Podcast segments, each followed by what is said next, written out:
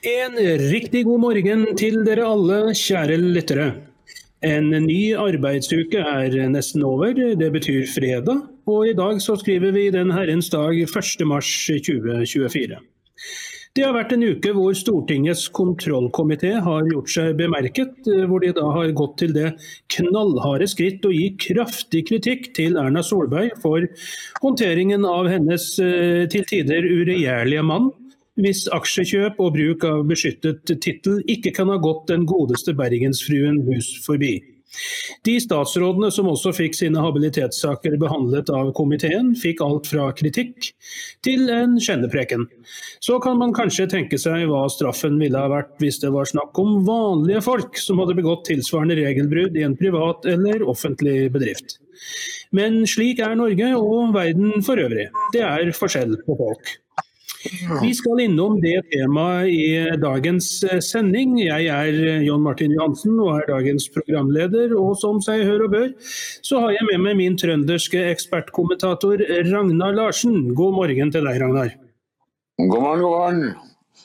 Mars er den første Jeg med jeg at ja, jeg regner med at du har eh, morgenkaffen klar og muligens har tenkt å forgripe deg på en berlinerkrans eller to?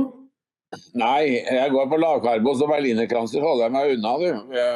Uh, nei, men kaffe må man, må man unne seg. Og så er det jo så nydelig vær. vet du. Mars er jo den første vårmåneden, og i dag er det den første mars.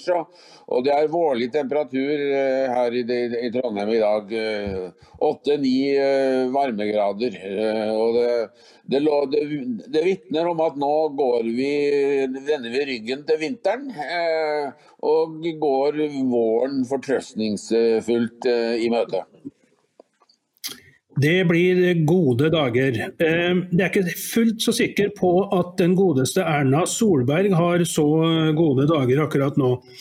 Eh, du skrev en sak her eh, i denne uken Ragnar, som het 'Adjø Erna Solberg', og som handler om Eh, rett og slett at eh, Erna Solberg ikke lenger kan være eh, Høyres statsministerkandidat nå. Men det ser ut som i hvert fall Venstre, og i hvert fall KrF og muligens Venstre, de har vel ikke sagt noe enda, og også Frp er i tenkeboksen her. Så det finnes faktisk en mulighet for at hun fortsatt kan bli statsministerkandidat etter dette. Og det vil vel være en liten skandale, vil ikke det, Ragnar? Jo, jeg syns, jeg syns det. Eh, I boksesporten så har man et uttrykk at når eh, en som har tapt tungvektstronen i, i boksing i tungvekt, prøver seg i en returkamp, så heter det 'they never come back'. Eh, de kommer aldri tilbake, og det gjør de heller ikke. Det er veldig få unntak fra, fra det. Og Det samme regelen bør også gjelde i, eh, i, i, i toppolitikken. Altså når du, når du, har vært statsminister i åtte år, du har vært Høyres partileder i 20 år, og du har stelt deg slik med tap av borgerlig anseelse, og, eh, og også sterk politisk kritikk, ja da bør partiet hennes se seg om etter en annen. Fordi at hennes periode kan ikke vare evig. Uh, og, uh, og, Det er da bedre å avslutte den perioden nå ved at man ser seg om etter en annen frontfigur ved stortingsvalget om, om halvannet år. Hun står sterkt i Høyre, det tviler jeg ikke på. Men det er også kommet frem eh, offentlig kritikk av henne i lokalpressen rundt omkring, hvor fylkesledere og lokale ledere, ordførerkandidater m.m. sier at hun bør fratre på neste landsmøte i, eh, i Høyre, fordi uh, hun er så diskreditert uh, ved de skandalene hun er, har latt seg vikle inn i, og til dels vært med på å skape selv, at uh, nå du, bør hun få avløsning. Bare en liten digresjon der. for eh, Den første som kom tilbake i tungvektsboksing og tok tilbake tittelen eh, som han hadde mistet, var Floyd Patterson. Og Det var mot svensken Ingemar Johansson, eh, og han knocket ut Johansson tror jeg, i femte runden.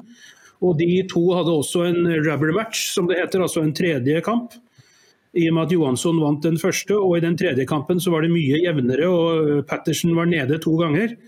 Og Det var vel også Johansson. og på Den andre gangen da var han såpass shaky at dommeren valgte å bryte kampen. Men hvorvidt Solberg klarer å gjøre en Floyd Patterson her, det, det gjenstår jo å se. Men det er jo som du sier, Ragnar, det er hvorvidt hun fortjener det eller ikke, det er jo et, et annet spørsmål. Jeg mener, det er jo slik at eh, når det kommer til disse aksjekjøpene til hennes ekte, ektemann her da, Sindre Finnes, og uh, ikke minst uh, det at han har gått rundt og smykket seg med en uh, beskyttet tittel, Eh, det, det, kan ikke ha gått eh, Erna Solberg eh, hus forbi. Det er umulig, er du ikke enig i det?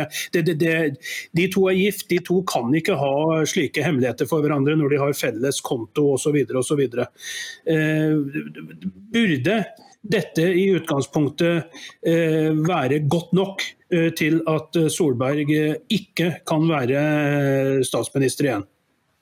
Ja, Summen av dette eh, er grunn eh, god nok eh, i, i, i mitt hode.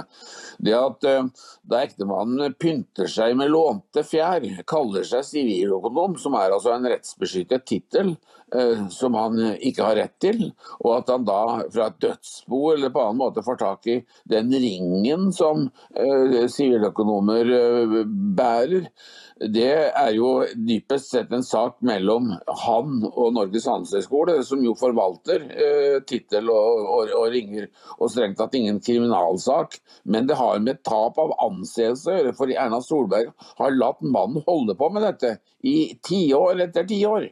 Uh, og, og, og, da blir hun jo selv medskyldig i det omdømmemessige bedrageriet som, som dette er. Han, han, utgir seg for noe han ikke er. Det er et falskneri. Eh, og, og, og, sånne eh, brudd på alminnelig eh, anstendighet og, og folkeskikk, det virker sterkt diskvalifiserende. Ved siden av at hun jo får ramsalt kritikk fra Stortingets kontroll- og konstitusjonskomité, og den er enstemmig. Og det er den sterkeste kritikken komité kan rette. Det som er enda sterkere, er da må man gå til Stortinget i plenum og få vedtatt et mistillitsforslag. Men eh, det er det ikke noe grunnlag for, fordi at hun allerede er uh, ute av regjeringskontorene. Så det har jo ikke noe for seg. Men kritikken står jo der likevel, og den er enstemmig. Og det må få følger. Det kan ikke være sånn at man bare beskytter hverandre, og så går man og setter en strek over forgåelsene, og så er man klar for nye runder. Sånn kan det ikke være.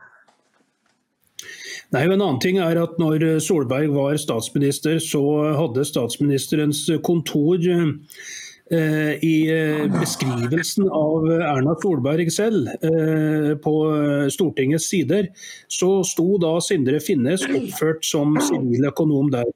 Dette hevder Erna Solberg at hun aldri har lest, at hun aldri leste det.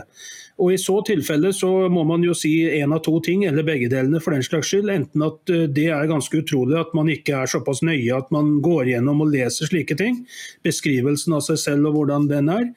Eh, eller nummer to eh, at hun, at hun, rett og slett har løyet om dette. Og Uansett hva det er, eller om det er begge deler, så er det ille. Og det er klart at Eh, som Ragnar sier her, Summen av dette gjør at eh, eh, Solberg bør ikke få muligheten til å bli statsminister igjen. fordi Det vil bare vise hele Norge at forbrytelser, hvis man skal kunne kalle det det, da, lønner seg. Altså, eh, Skal man være politiker, så må ærlighet i hvert fall være eh, en fremtredende del av personligheten, og ikke minst hvordan man opptrer. Eh, og I så måte, når man i tillegg er statsminister, så kan ikke slike ting bare ses gjennom fingrene med. Er du ikke enig i det, Ragnar? Jo, absolutt. Og Stortinget har jo ikke tatt dette ut av luften. De, informasjon om personalia som du finner på Stortingets hjemmeside, for der finner du eh, omtale av alle stortingsrepresentanter omtrent fra tidenes morgen opp til i dag. Og informasjon om dette de jo, bygger de jo på den, den, den informasjonen som stortingsrepresentanten oppgir selv. Eh, og Og siden det finnes manglende dekning for å kalle seg siviløkonom, eller opplysning om at han er siviløkonom, det kan jo ikke kommet fra noe annet sted enn fra Erna Solberg selv. Det er jo ikke noe som Stortinget har funnet på. Eh, det, informasjonen må de ha fått fra Erna Solberg, og derfor så står ikke hennes forklaring til troende. Nei, den gjør ikke det. Det er eh, regelrett eh, løgn. Og en annen som eh, muligens uh, lyver, det er en somalier som i disse dager står i Oslo tingrett tiltalt for ikke mindre enn hele elleve overgrep mot uh, kvinner i, i, Oslo. Han uh, påstår at han er psykisk syk, og at han ikke husker noe som helst fra noen av uh, hendelsene. og Dette tror jo selvfølgelig politiet på, som vil legge ned påstand om overføring til tvunget psykisk helsevern. og Han er også i dag på psykiatrisk sykehus. Og Denne somalieren han er altså tiltalt for eh, elleve forskjellige eh, tilfeller fra fredag den 9. juni i 2023 eh, til og med torsdag den 15. juni, alle i, i Oslo-området. Hvor han da har gjort alt fra å onanere, blotte seg, til å regelrett forsøke å voldta noen kvinner da. Og Eh, at denne somalieren eh, Dokument forsøkte eh, i fjor å, å, spørre advokaten til denne somalieren hvorvidt han er somalisk statsborger eller om han har blitt norsk statsborger. Det ville ikke advokaten svare på. Og eh, Hvis han fortsatt er eh, somalisk statsborger, så bør jo denne mannen bør jo utvises eh, Han bør jo først straffes, selvfølgelig, og deretter utvises eh, umiddelbart fra Norge. Syns du ikke det, Ragnar?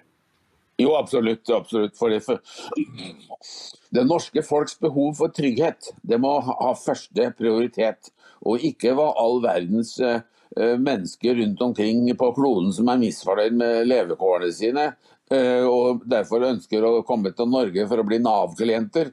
Det må eh, vike prioritet for det norske folks behov for, for eh, sikkerhet. Og styresmaktene har ingen oppgave som er viktigere enn å sørge for at folk kan føle seg trygge. Det gjelder både nasjonen som, som, som, nasjon, at man skal føle seg trygg for ikke å bli overfalt av andre land. Og det gjelder enkeltpersoner som skal ikke føle seg trygghet for, trygghet for at de ikke blir overfalt av, eh, av fremmede. Og, og, og, krenket på, på, det mest alvorlige. Og Det er det som, som uh, Stortinget i, nå i ja, et par generasjoner snart har, har latt være å ta inn over seg at de er ikke valgt av det norske folk for å ivareta interessene til folk i Somalia eller andre steder rundt omkring i verden. De er valgt for å ivareta interessene til velgerne, det norske folk som har valgt dem. Men de kommer jo alltid i annen rekke, for det er alltid en unnskyldning for å importere muslimer og folk som har et levesett som er uforenlig med den norske væremåten. Eh, fordi at de, de har fått det, det, det, for seg at, eh, at, at, verden skal reddes av, av, av Norge, og så glemmer man det norske folk. Ja, det er helt riktig. Bare legge til at det var en eh, bølge av voldtekter i Oslo i, i juni eller i sommeren i fjor. og det, Politiet fikk tak i også en annen afrikaner fra Eritrea, som også eh, skal tiltales for sine overgrep i en senere rettssak. Og hvor mange flere det er, det, det vet vi jo ikke. Men vi eh, tar oss en eh, kaffeslurk, eh, vi Ragnar. Og mens vi gjør det, så kan du få litt informasjon om denne boken som det anbefales å kjøpe. Kulturkamp i klasserommet av Susanne Wiesinger. Hun beskriver det samme fra klasserommet sitt i Wien som oppleves i klasserommene i Norge. Den er verdt å lese. Du kan få kjøpt den hos Document forlag.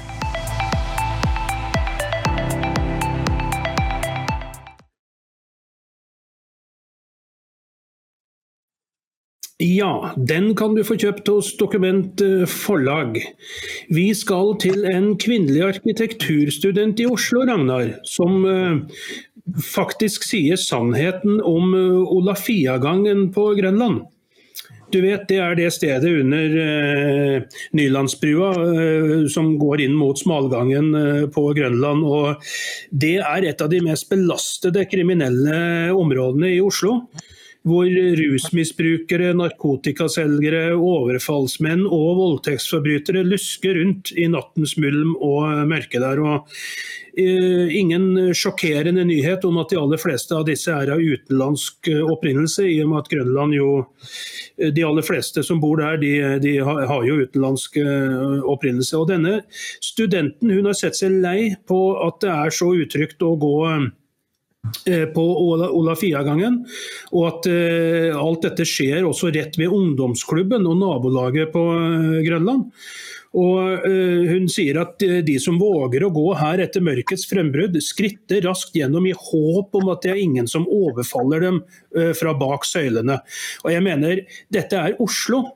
Vi snakker ikke om, eh, om eh, Afghanistan eller, eh, eller, hva det måtte være for noe her. Vi snakker om Oslo. Og, og dette er dramatisk, syns du ikke det, Ragnar? Jo, absolutt. Det, det, det, og det verste ved det er jo at våre myndigheter lar det passere. De lar det være sånn. De rydder ikke opp. For det gjør man jo i, i, i andre land. Jeg har i en periode av livet mitt, eh, riktignok kortvarig, men for 35 år siden bodd i, i, i New York. Eh, og jobbet for Utenriksdepartementet med FN-delegasjonen og bodde på Manhattan. Og eh, jeg følte meg aldri utrygg på, på, Manhattan, bortsett fra visse strøk som jeg ikke gikk i eh, etter mørkets frembrudd, men som nå senere er blitt ryddet opp i, også der. Da jeg for noen år siden var der eh, i områdene rundt Times Square og på 42. gate, så var det jo midt på natta natta i sommerstid et yrende folkeliv uten det minste utrygghet. Og jeg spaserte jo fra operaen eh, eh, Metropolitan, som ligger på, på, vestsiden, og gikk kanskje en tre-fire kilometer på skrå over Manhattan, der jeg bodde på eh, helt eh, øst på, på, på 46. gate, og, og følte meg ikke det minste utrygg. Og så hadde jeg et, eh, kan jeg nevne at jeg, siden jeg var offisiell representant for den norske regjering, så ble jeg invitert eh, til å holde et eh, foredrag i Sons of Norway. I, i, Brooklyn. Brooklyn Lodge av Sons of Norway. Og Der ble vi sittende til bords og spiste middag sammen med en kar som da var eh, krigsseiler. Gikk i land i New York i 1945 og siden hadde bodd der. Jobbet som bygningsarbeider og var blitt pensjonist. Og Så kom vi inn på spørsmålet om, om personlig trygghet. Da. Man hadde jo hørt så mye om New York. Og da sa han til meg jeg har blitt slått ned og ranet én gang i mitt liv. Og det var på Slottsfjellet i Tønsberg, sa han. Og da har han bodd i resten, storparten av livet sitt i New York. For der tar de det, på, tar de det på, på, på, alvor. Men ikke i Oslo. Nei, da lar man det være sånn, og la være å rydde opp. Det forteller alt. Ja, man gjør det, og Denne studenten er svært misfornøyd med det, at kommunen ikke iverksetter strakstiltak. fordi det tidligere byrådet der da, med rørleggeren, eh, de eh, gjorde jo ingenting. for De, de gjorde jo litt da med å lage noe, prøve å lage noe belysning der og, og sånne ting, men den belysningen var jo altfor dårlig, og, og det, ble, det, var bare midlertidige tiltak. Og denne studenten eh, etterlyser jo da eh, strakstiltak. og og eh, at eh, hun sier ingen skal være redd for å bevege seg i det offentlige rom i Oslo. Kommunene og politikere må lytte til beboere og politiet og gjøre permanente bygrep i dette uterommet. Og det tror jeg vel de aller fleste som eh, bor i Oslo og som har vært i det området er veldig enig i. Til og med de som jeg vil jo tro at de fleste innvandrere også er enig i det, fordi det er jo utrygt for dem også, selvfølgelig.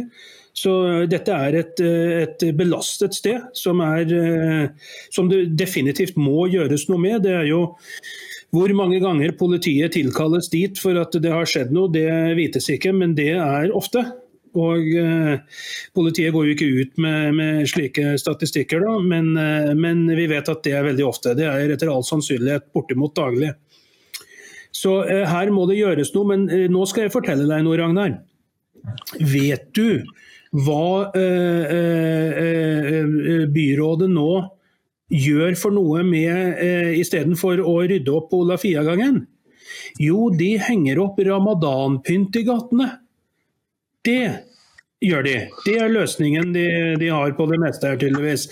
Og dette er jo eh, Jeg vet ikke, jeg har knapt ord for det. Her, her, eh, her, trenger man da altså ikke bare kristendommen bort, det er jo påske som eh, kommer nå. Og da skal man altså pynte til ramadan i Oslo-gatene. Hva mener du om dette, Ragnar? Det viser jo bare hvor langt forfallet er kommet, og hvor langt knefallet for fremmede kulturer eh, er, er kommet. Eh, det går mot påske, som du sier, og det er Den norske kirkes hovedhøytid. Det er kristenhetens hovedhøytid, fordi den minner oss Eh, om kristendommens grunnlegger, eh, Jesu død og oppstandelse, som jo er selve essensen eh, i den kristne tradisjon. Og det bryr man seg altså ikke om å markere med å henge opp plakater og pynte gatene for å minne folk om. Nei da, men ramadan en, en, en, et påfunn blant hedninger. Det eh, har byrådet i, Oslo under Høyres ledelse syns er, er uh, naturlig. Det viser jo også forfallet i Høyre, en gang, som en gang var et verdikonservativt parti som sto for noe. Men du vet, når man ikke står for lenge for noe, så faller man jo for alt. da. Og for hedenske skikker som dette. Jeg vil vel ikke engang kalle det hedenske skikker, det er jo en uskikk. Og det er, eh, som du sier, byrådsleder Erik La Solberg som uh, umiddelbart, altså under 24 timer etter at Dokument publiserte en artikkel om at London skulle pynte til ramadan i fjor, og eh, Så eh, var Solberg ute og sa at ja, skal, det skal Oslo også gjøre. Hvis vi vinner, så skal vi pynte til ramadan. Og så gjøres. Og jeg vil vel si at dette nærmest er som en invasjon av, av, den norske kulturen og, og eh, eh, som vi har. Om man er kristen eller ikke, så er det eh, norsk kultur og tradisjon at eh, man eh, feirer påske. Og eh, det er helt klart at det skulle vært pyntet til påske og, og hengt opp kanskje noe plakater som Ragnar sa og, og pyntet og, og, sånn til påske istedenfor.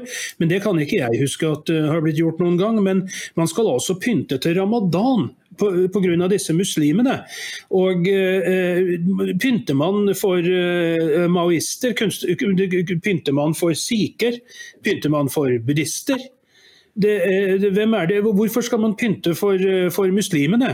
Eh, dette er, dette, er vel, dette er, ganske opprørende. og Denne artikkelen er veldig godt lest. og Det er tydelig at det engasjerer folk. og eh, Hvor vil dette stoppe, Ragnar, når, når man begynner eh, med noe sånt nå? Hvor tror du det stopper? Stopper det i det hele tatt?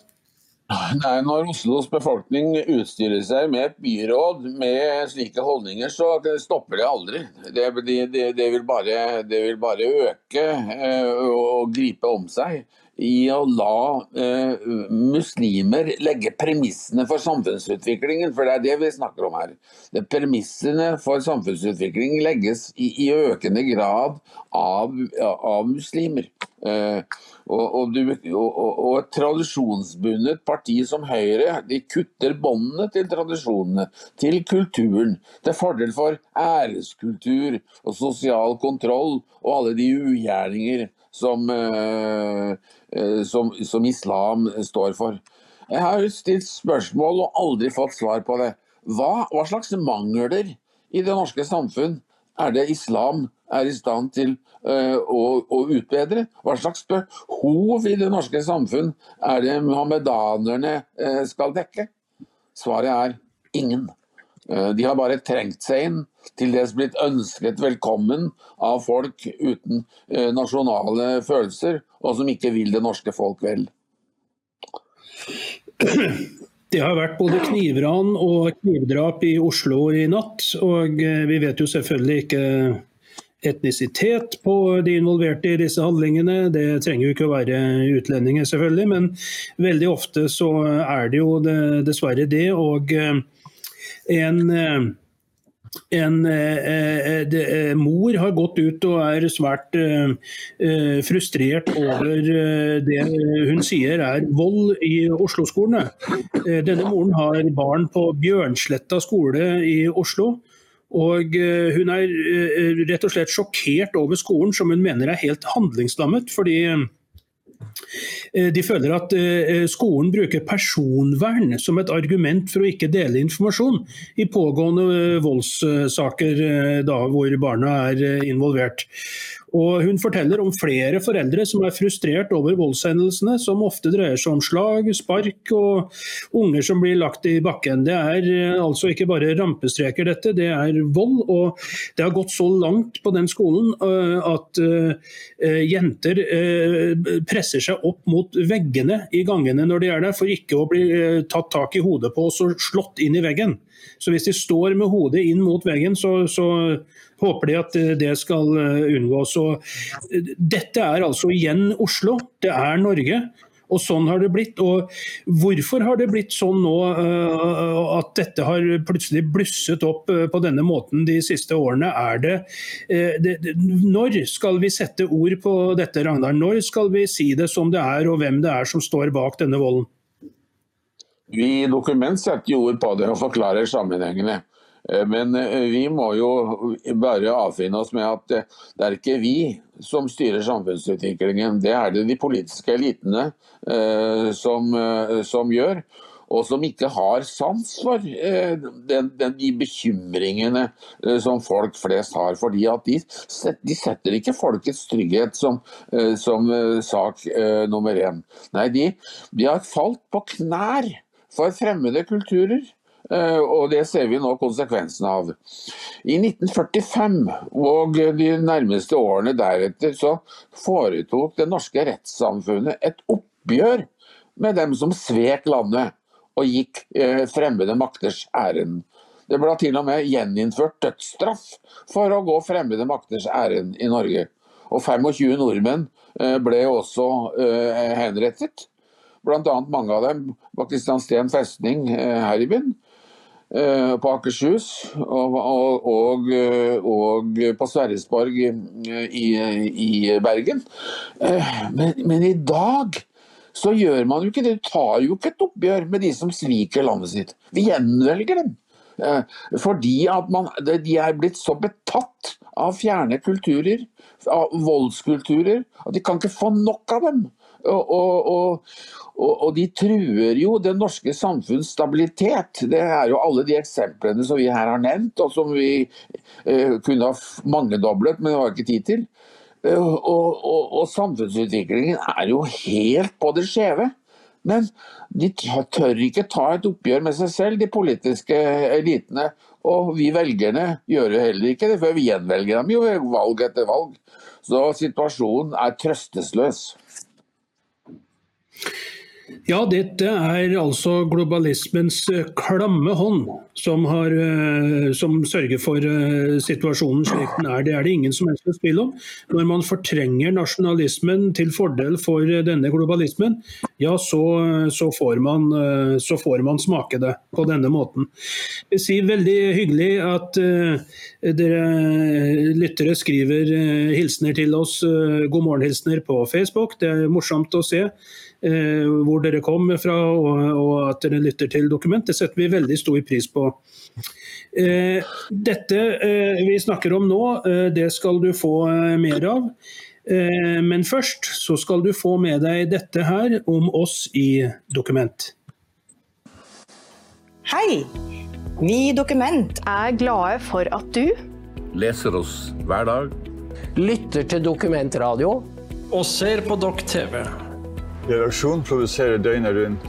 Og trenger både abonnement og donasjoner. Dokument er unikt i Norge. Vi er det eneste virkelig konservative mediehuset. Støtt oss på VIPS nummer 638941. Det Kent sa. VIPS nummer 63 89 41. 63 89 41. Eller bli abonnent.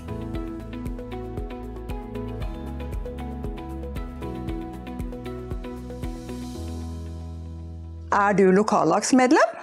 Mm, ikke det? Nei, da har du muligheten å melde deg inn. Velkommen til oss. Ja, velkommen til oss. Og eh, her skal du få den nyheten at politiet i Sør-Øst de har kommet med en dyster årsrapport for 2023. Det dreier seg altså om eh, at det i likhet med resten av landet har vært en økning i antall anmeldte lovbrudd begått av ungdom under 18 år. Og denne økningen har vært jevn de siste fem årene. Og eh, eh, Politimesteren da i Sør-Øst han tror som alle andre på forebygging blant unge som et godt virkemiddel. Og Det oppgis selvfølgelig ingenting om etnisitet på disse barna, som begår alle til dels alvorlig kriminalitet. Men han gir et lite hint, denne politimesteren, når han snakker om oppvekstmiljø og, og forebygging eh, i tillegg til at eh, anmeldte lovbrudd i nære relasjoner også er skyhøye. Og eh, vi, jo, vi vet jo fra den senere tid hvor hvor mange episoder som da gjelder innvandrere når det gjelder vold i, æresvold, rett og slett. Eh, eh, og eh, dette med omvendt voldsalarm som Sør-Øst politidistrikt også mener er, er, noe som kan pålegge gjerningspersoner en, en, en større større problem med å få utøvd vold overfor sine nære. Men dette eh, igjen, eh, Ragnar. Eh, her snakkes det rundt grøten som vanlig. Det er altså ingenting her som politiet sier som gir noe som helst slags bilde av hvem det er som begår alle disse voldelige eh, kriminalitet. det er Du kan si det er Det eneste de sier her, er alder. Og at de fleste av de som har eh, begått eh, alvorlig kriminalitet i, i, i Sør-Øst-området, omhandler barn i aldersgruppen 13 til 15 år, Ragnar. Og ser en tilbake fem år til 2019, så eh, var antallet 785 eh, saker i forhold til 1319 nå i fjor. Altså en økning på 68% Og Hvorfor er det så vanskelig for politiet og myndighetene å si, si det som det er. Disse uh, lovbryterne, disse unge lovbryterne, det er utlendinger. Og stort sett muslimer. For det er vel det det er, er det ikke det, Ragnar? Ja, visst er det det. Legg merke til at det er en nær sammenheng mellom uh, de forbindelsestypene du nevner, og tettheten av muslimer. Det, det er ikke uh, på Tingvoll i Snåsa eller Mosjøen, hvor det nesten ikke er muslimer, at dette skjer. Nei, det er i de muslimtette områdene. For som vi har sagt så mange ganger før, Jon Martin, at det er eh, mennesker som tar med seg eh, væremåten og kulturen fra det landet de er kommet fra. Og eh, etterkommerne i Norge, etter eh, de som er kommet fra voldskultur, som praktiserer den voldskulturen de er opplært og oppformet av. Og som selvfølgelig i Koranen eh, er beskrevet og gitt en ordre om å, om å myrde de vantro. Og da er det jo bare å ta for seg, da. Eh, og, og, og, plage sine medmennesker. For det, det har de jo et oppdrag av i, i, i Koranen. Profeten har jo beordret dem eh, til å, å, å gjøre det. Og Politiet de er så politisk korrekte at de underslår fakta. Og det har vi jo vært inne på før. Det svekker tilliten til politiet når politiet ikke tør å, å fortelle åpent hva uh, det er som har skjedd, og hvor de kommer fra, de som uh, begår uønskede uh, handlinger. Og Her blir det jo anført av politidirektøren, politimesteren i Oslo, som benekter at det er en sammenheng mellom kriminalitet og etnisitet. De gjør seg jo til latter, for folk tror jo ikke på dem. Men det, når latteren har stilnet, så kan man jo tenke over hvor alvorlig det er at vi ikke lenger kan ha tiltro til politiet. Fordi politiet dekker over sakene. Og det er i det lange perspektiv samfunnsnedbrytende. Det er det. Det er eh, både samfunnsnedbrytende og farlig. Det er det ingen tvil om. for eh, Det er rett og slett en fare for selve demokratiet når, eh, det går så langt for å holde oss i Oslo. Det har vært en uh, stygg sak i Oslo her. Det, på fredag i eh, forrige uke, for nøyaktig en uke siden da, så ble en eldre mann funnet død i sin kommunale bolig i blokka si på Sankthanshaugen. Og dette er jo ikke noe uvanlig, folk dør jo, spesielt når man blir eldre. Det er klart det. Det, det spesielle her er imidlertid det at disse boligene er definert som omsorgsboliger tilrettelagt for eldre og funksjonshemmede. Og ifølge opplysninger fra politiet så lå denne mannen død i rundt to måneder måneder før noen oppdaget det. Hvordan er det mulig Ragnar, at en omsorgsbolig, at en mann kan ligge død i to måneder uten at noen eh, sjekker om denne mannen når han bor i en omsorgsbolig? Hvordan er det mulig? Det er mulig fordi det er kommunen som driver det. Eh, og Kommunen har ingen eh, konkurrent om disse oppgavene, fordi kommunene eh, de aller fleste steder og de aller fleste tilfellene har enerett, monopol, på å, å drive den slags type omsorg. Og da jo, trenger man jo ikke å legge seg i selene på å yte, yte, kvalitet. Og da en beboer eh, ikke har gitt eh, tegn, livstegn fra seg på en en dag eller en uke eller to måneder, ja, så går det nå sin skjeve gang. Sånn er det. Så Svaret på, på, på, dette det er jo at kommunene må få konkurranse eh, om å drive eh, eldreomsorg. Eh, for da kan, bare da kan man få hevet kvaliteten og satt eh, den omsorgstrengende eh, beboer i, i, i, i sentrum. Kommunene av og til så lurer man på hvor godt skjeftet de egentlig er til å løse praktiske oppgaver. Eh, når private driver eldreomsorg, så er det den samme eller de samme eh, medarbeiderne som kommer hjem til deg og utfører eh, tjenester. Mens, kommunal, mens de som da nyter godt av en kommunal omsorg, kan få både 10 og 15 og 20 og enda flere forskjellige medarbeidere som, som, som, kommer innom. Til dels for å utføre eh, intim kroppsvask og for å gjøre praktiske oppgaver eh, overfor eh, beboeren. Og Det sier seg selv at når du har enerett, da behøver du ikke å legge deg i selene. Så det er det som er hovedforklaringen. Bare for å sette litt i perspektiv hvor, eh, hvordan forholdene er i disse omsorgsboligene, så sier en av beboerne som sitter i styret i borettslaget der, eh, følgende. Vi syns det verste er at det lukter så ille til vanlig at vi ikke har gjenkjent at det lå et lik der inne. Og Dette er altså omsorgsbolig i, i, i Norge som kåres til å være verdens beste land å bo i, år etter år. Eh, det, det, er en, det, er jo en, regelrett skam. Det er helt uvirkelig, og noen burde få eh, betale for dette. Noen burde svi for dette. Det er det ingen som er slags tvil om. og Definitivt så burde jo noe gjøres med eh, både eldre og, og funksjonshemmede og, og helsepolitikken i Norge generelt, fordi den er for dårlig. Her brukes det penger på massevis av uh, ting som ikke har noe med Norge å gjøre i det hele tatt. Vi, sender, vi måker jo penger ut av landet. Men vi har altså ikke penger å bruke til, til f.eks. medisiner til syke personer i Norge. Det er noe som vi skal komme tilbake til her og, og snakke om uh, etterpå. Men det er slik at Bøker er viktig eh, for å få med seg eh, informasjon, eh, spesielt riktig informasjon. Og her får du en bok som Dokument kan anbefale. Da, eh, Ragnar, skal vi snakke litt om eh, en sak i dag som er særdeles stygg, og som faktisk omhandler så mange som 7000 personer. Og vi snakker da om mennesker som har en, en sjelden sykdom.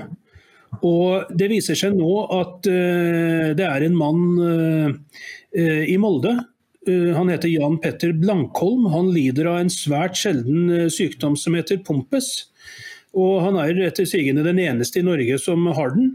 Men han nektes behandling eh, med eh, en medisin som, eh, som, virker, og som tilbys mot de som har denne pompes sykdom, fordi den er for dyr, og fordi den ikke er godkjent av Beslutningsforum nye metoder, som er de som bestemmer hva som kan komme inn av medikamenter til Norge.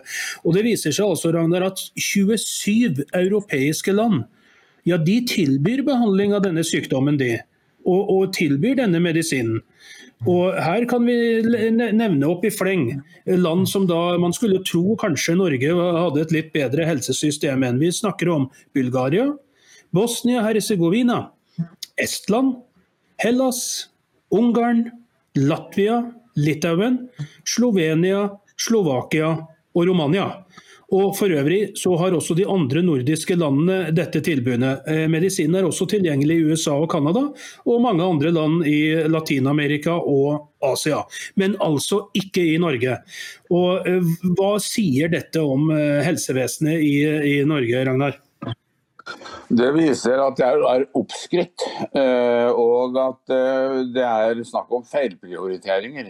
Vi skjønner alle sammen at eh, det må være et visst tilsyn og kontroll med hva slags medikamenter som kan tilbys folk på det offentliges bekostning.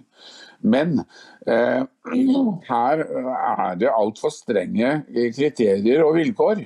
Når da notorisk eh, langt mindre velstående land enn oss har råd til eh, å eh, la innbyggerne nyte godt av eh, den slags eh, medikamenter, mens vi i Norge ikke har det. Og Dessuten så bruker vi altså da masse penger på helt andre ting enn det som har med folks helse og velferd å gjøre. Vi skal nå bruke en 100 milliarder i subsidier antageligvis, når eh, regninga kommer på bordet, til å subsidiere elektrisk kraft som skal produseres av vindturbiner i, i Nordsjøen. Vi bruker minst like mye eh, og mer enn dette for å finansiere import av muslimer og å rette opp deres skadeverk, men å ta vare på eh, nordmenn som har behov for helsehjelp, nei, det blir for, for, for, krevende. Da må vi plutselig rasjonere når det gjelder sine egne. Men når det gjelder andres, nei, da står lommeboka på vidt gap. Det er pussig, dette. Ja, det er, eh, det er pussig. Det er det ingen som er. Det er nesten så det virker som uh, nordmenn er annenrangs borgere. De betyr ikke like mye som, uh, som, andre. Mener, For å sette det hele litt i perspektiv der også. Det, når covid-vaksinene kom, Eh, så var det jo ikke så strenge kontroller for, eh, for å, å, ta det inn i Norge. Vi husker jo den AstraZeneca-vaksinen som etter en stund, da når den hadde ødelagt nok eh, folk, endelig ble stoppet. Men det var altså ikke noe ramaskrik den gangen. Men en, en medisin som bevisst, som vi da har bevis for virker, og som har vært brukt i andre land i mange mange år mot sjeldne sykdommer, ja, de kan man altså ikke slippe inn i Norge fordi det er ikke god nok dokumentasjon som dette beslutningsforumet da finner ut av. Og det, eh, hvem det er som sitter i, i, dette forumet, det vet ikke jeg, men de burde skamme seg. Er du ikke enig i det, Renar? Absolutt. Eh, absolutt. Og det du nevnte om å ta i bruk eh, covid-19-vaksiner, det viser jo bare uh, uten nødvendig uh, grundig uttesting og kliniske forsøk på forhånd. Det viser jo bare at sånn går det når hysteriet griper, griper om seg. For da myndighetene med regjeringen i spissen ble jo helt hysteriske da covid kom, kom til landet. Og imot faglige råd så, så beordret Solberg-regjeringen med helseminister Bent Høie i spissen å stenge barnehager og, og skoler en periode. Det hadde ingen betydning, eh, og, og Folkehelseinstituttet advarte mot det. For de sa det, det, det, det er uten betydning for uh, spredning av uh, smitte. Men det hørte man ikke på. Nei, Da skulle man vise handlekraft, da. Ja, og, og, og ble helt hysterisk. Eh, med, med, de tiltakene. Vi kunne jo ikke gå ut lenger blant folk. Og, og, og, og det ble lagt så sterke restriksjoner. Eh, jeg er med i flere foreninger som måtte avlyse møtevirksomheten et helt år. Eh, Pga. myndighetene hadde tapt hodet fullstendig. Eh, og herunder godkjent eh, vaksiner som de kanskje ikke burde ha gjort eh, godkjent den gangen. Så det viser seg at når hysteriet griper om seg, da kan det meste skje. Ja, det er en gjeng med amatører uh, som sitter og styrer Norge, tydeligvis. Og det får jo da uh, Støres vanlige folk uh, svi for. Vi har også en amatør i USA og han eh, sitter som president der. Og han har tatt seg en tur ned til eh, eh, grensen eh, for å forsøke å få eh, grensepolitiet på sin side. Men eh, de har en fagforening, og de er slett ikke imponert over Joe Biden. Hold navnet vårt ute av munnen din, skrev de på Twitter. Og det har sin bakgrunn i, fra 2021, hvor Biden kritiserte grensevaktene for hvordan de behandlet Eh, migranter.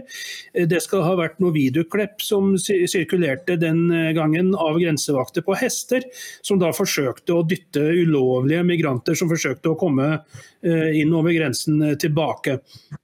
Og Da sa Joe Biden at det var forferdelig å se folk bli behandlet sånn. Hester løp nesten over dem. Jeg lover deg at de folka skal betale. Det blir en etterforskning, og det blir konsekvenser, sa han da. Eh, det har ikke grensevaktene glemt, og de har heller ikke glemt at Donald Trump, når han var president, så behandlet han dem med den største respekt. Og eh, Biden har altså liten suksess eh, der nede ved grensene og forsøker å få eh, disse grensevaktene på sin side. Og det er faktisk så ille at Civita-rådgiver og såkalt USA-ekspert Eirik Løkke han sier at utfordringene på grensen kan skape problemer eh, for eh, Biden. Og eh, under Biden, Ragnar, så har altså mer enn 7,2 millioner migranter kommet seg ulovlig over grensen og inn i USA. Tenk på det tallet. Det er mer enn hele Norges befolkning. Mye mer. Og dette er ulovlige migranter, og det er som Trump sier, det er ikke de beste som kommer over grensen på ulovlig vis.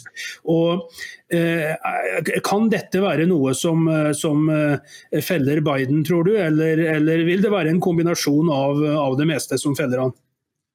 Det er en kombinasjon av mange forhold, men dette vil telle helt klart. fordi at Eh, var det 7,2 millioner du, du, sa som var kommet illegalt inn i Amerika. Det er bare et anslag, for det er jo ingen som vet tallet. Kanskje er det 10 millioner. Eh, og som da blir, sklir inn i det amerikanske samfunnet uten at man vet eh, hvem det er. Eh, og, og, dette kan ikke fortsette, fordi at, eh, som vi har vært inne på før, Jon Martin, et land som ikke lenger kan eh, forsvare sine grenser, det vil før eller senere eh, gå opp, opphøre å være et selvstendig eh, land. Det å forsvare grensene det er jobb nummer én for myndighetene. Og det klarer ikke Biden sin eh, administrasjon å, å gjøre.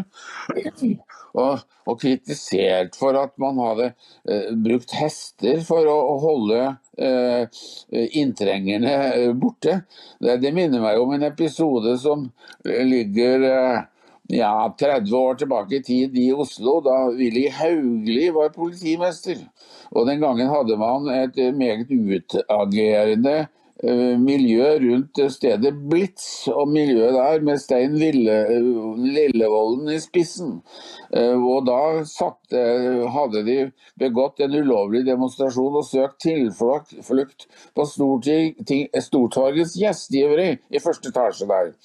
Og Da satte politiet inn hunder uh, for å få tak i dem. Og Da ble de spurt av Dagbladet om, om, om, om hvorfor de brukte hunder. Eh, og Da svarte Willy Haugli på sin, eh, på sin unike eh, eh, Tromsø-humor at det var for lavt under taket til at man kunne bruke hester. Eh, og, og det minner meg om det også i, i, i, i da å beskytte grensen i, mellom i første rekke Texas og, og, og, og Mexico. Ja, de kan bruke hester, hva er galt med det? Poenget er jo å holde fremmede borte. Det er jo hele, hele, poenget. og Da må man jo bruke de tiltakene og hjelpemidlene som står til disposisjon. Kloke år som vanlig av, av, Ragnar Larsen der. Og for de av dere også som er hvitebegjærlige, vitebegjærlige, så har vi en godbit av en bok som du kan få se litt om uh, her.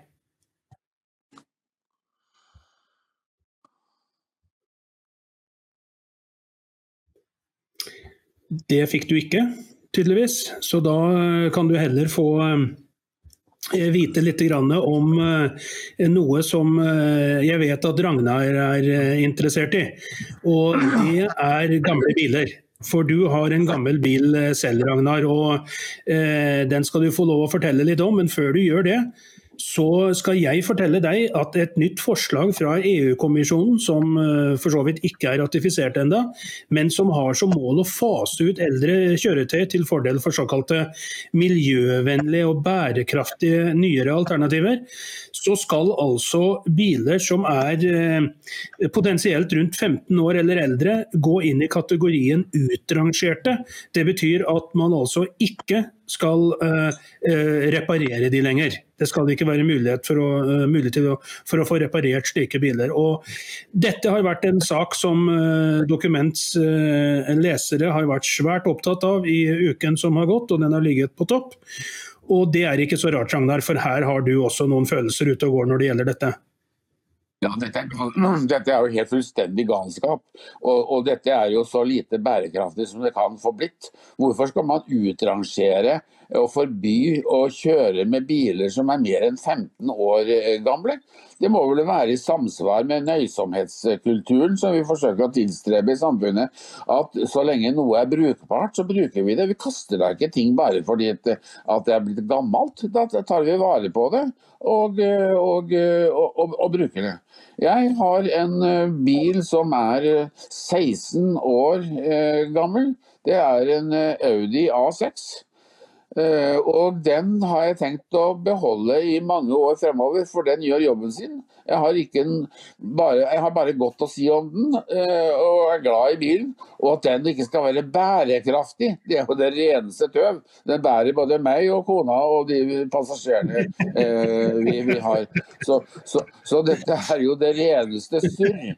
Og, dessuten så uh, er jo EU-kommisjonen nå kommet til kort overfor virkeligheten fordi at uh, to ledende uh, tyske bilfabrikker som har premiummerker, nemlig Mercedes-Benz og Audi, ja, de har reversert sin tanke om at de skal slutte å produsere biler som har bensin- eller dieselmotor. Tvert om. De skal fortsette eh, med det. Så her får de jo EU-kommisjonen motstand fra virkeligheten, også på det området der. Og at man ikke skal reparere kjørbare biler, det er i hvert fall ikke noe med bærekraft å gjøre. Det har med innbilning å gjøre. Ja.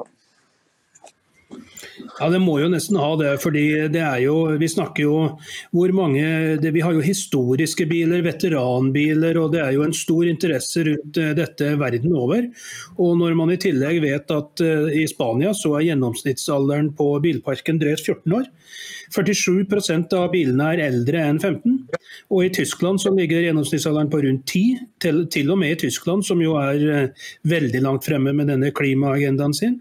Og i Frankrike så er det også rundt 10-15 år gammel uh, bilparken er. Og dette er et urealistisk forslag, som så mange av de andre forslagene EU kommer med. Og Det er som Ragnar sier, dette vil møte motstand. og Tror du det, det, Vi kommer til et skritt her nå når som du sier, når vi ser Mercedes og Audi nå snu og vil fortsette å satse på såkalt fossilbiler. Tror du vi har kommet til et skritt snart nå hvor folk begynner å få nok? og og begynner å protestere og rett og slett si at vet du hva, dette er bare tull. Vi fortsetter å, og vi fortsetter å lage biler som går på bensin og diesel. Og vi må fortsette å ha olje, fordi olje er det jo i omtrent alt du bruker i hverdagen din. Så eh, tror du vi har kommet til et skifte nå, Ragnar, hvor, hvor, hvor ting begynner å snu? Jeg fornemmer at vi ser tilløp til holdningsendringer her, at folk ikke lar seg lenger diktere eh, av forstå-seg-på-ere som egentlig ikke forstår så mye, og alle mulige påfunn eh, under dekke av at man skal være bærekraftig. Eh, bærekraftig brukes jo overalt. Jeg ble, så, jeg ble så forarget over dette for mange år siden at jeg, når jeg skrev julebrev til slekt og venner, så skrev jeg jeg ønsker deg en bærekraftig jul. Ja,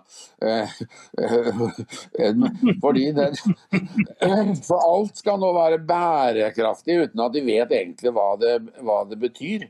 Det er jo avledet av det engelske ordet 'sustainable', som da er oversatt med, med, med, med bærekraft. Og Dette skal liksom være et sånt et trylleord. altså Istedenfor å si 'sesam, sesam', så sier man nå 'bærekraft, bærekraft'. Men så er, jo, så er jo virkeligheten som den er, da. Og, og, og jeg fornemmer at det nå er blitt et, en, en, en, en, mer kritisk holdning til alle disse påfunnene som påfunnsrike politikere klekker ut. Ikke for å gjøre livet lettere å leve for folk, men for å, uh, for å tjene sine, uh, sine egne hobbysaker. Så når det er blitt såpass stort nysalg av av elektriske biler i Norge, så er det jo ikke fordi at folk er så glødende interessert i å i bærekraft. Nei, Det er jo fordi at politikerne har gjort det lønnsomt og, og økonomisk attraktivt å kjøpe elektriske biler isteden. Men nå, når nå inn, avgiftene innføres også gradvis nå for fullt også på elektriske biler, så kan du si at da vil interessen etter hvert falle. Og folk vil øh, kjøpe biler som er driftssikre også om vinteren. Vi har fått inn en interessant eh, påminnelse fra Grete Mo Gundersen på eh, Facebook. Eh, hun sier hva med forslaget om at alle hus må ha trelagsglass, også gamle hus? Og Det er interessant, fordi det, det husker jeg det, det, forslaget kom for en liten stund siden. Og, og det vil jo koste aldeles skjorta. Og, og, Dette er altså ting da som staten skal bruke penger på å støtte folk med litt av, for man må selvfølgelig betale mesteparten av det selv, istedenfor å bruke pengene på ja, f.eks. han som trengte den medisinen mot sykdommen sin, Ragnar. Eh, eh, EU, er det en forbannelse? Er det, er det det som skal ødelegge Europa, Ragnar? EU var en glimrende oppfinnelse i, i starten eh, på, på 1950-tallet. Da eh, den ble stiftet for å hindre ny krig, i første rekke mellom Frankrike og Tyskland, som jo har ligget i krig med hverandre fra eh, tidenes morgen. Så lenge var dette en god, en, en god innretning, og, det lyktes man godt med. Men så tok det jo helt av. Og nå er jo dette EU blitt en plage, fordi det blander seg inn i, i, i folks eh, dagligliv, som ikke har noe med å hindre krig mellom Tyskland og Frankrike å gjøre. og som er blitt en plage for nasjonalstatene. Eh, og, og nå ser vi jo ute i Europa også hvordan folk reiser seg mot alle EU-påfunnene. Bønder som kjører traktor eh, og sprer møkk på Champs-Élysées. Og, og, og, og, tyskerne som nå flokker seg om alternative partier fordi de vil ha slutt på å bli utsatt for plageåndene. Så det skjer noe. Folk er i ferd med å våkne, tror jeg. Ja, Det er vel ikke så rart at uh, folk sprer og bønder sprer møkka si der hvor det er møkk fra før av. Det er jo ganske naturlig.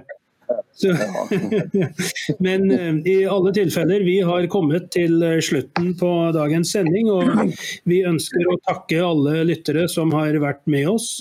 tusen takk til alle dere som er inne på Facebook, Rumble og, og YouTube og kommenterer. og Det er veldig hyggelig. Vi setter stor pris på dere alle sammen. Eh, jeg har vært eh, dagens eh, programleder. John Martin Johansen er navnet. Med meg som ekspertkommentator hadde jeg Ragnar Larsen i Trondheim. Og vår studiotekniker var Lars Bråten. Vi er tilbake igjen på mandag. Inntil da så får dere ha en riktig god helg. Og husk å få med dere TV også, og ikke minst skogpoddene til Hans Rustad. Så snakkes vi igjen på mandag. Ha en riktig god helg.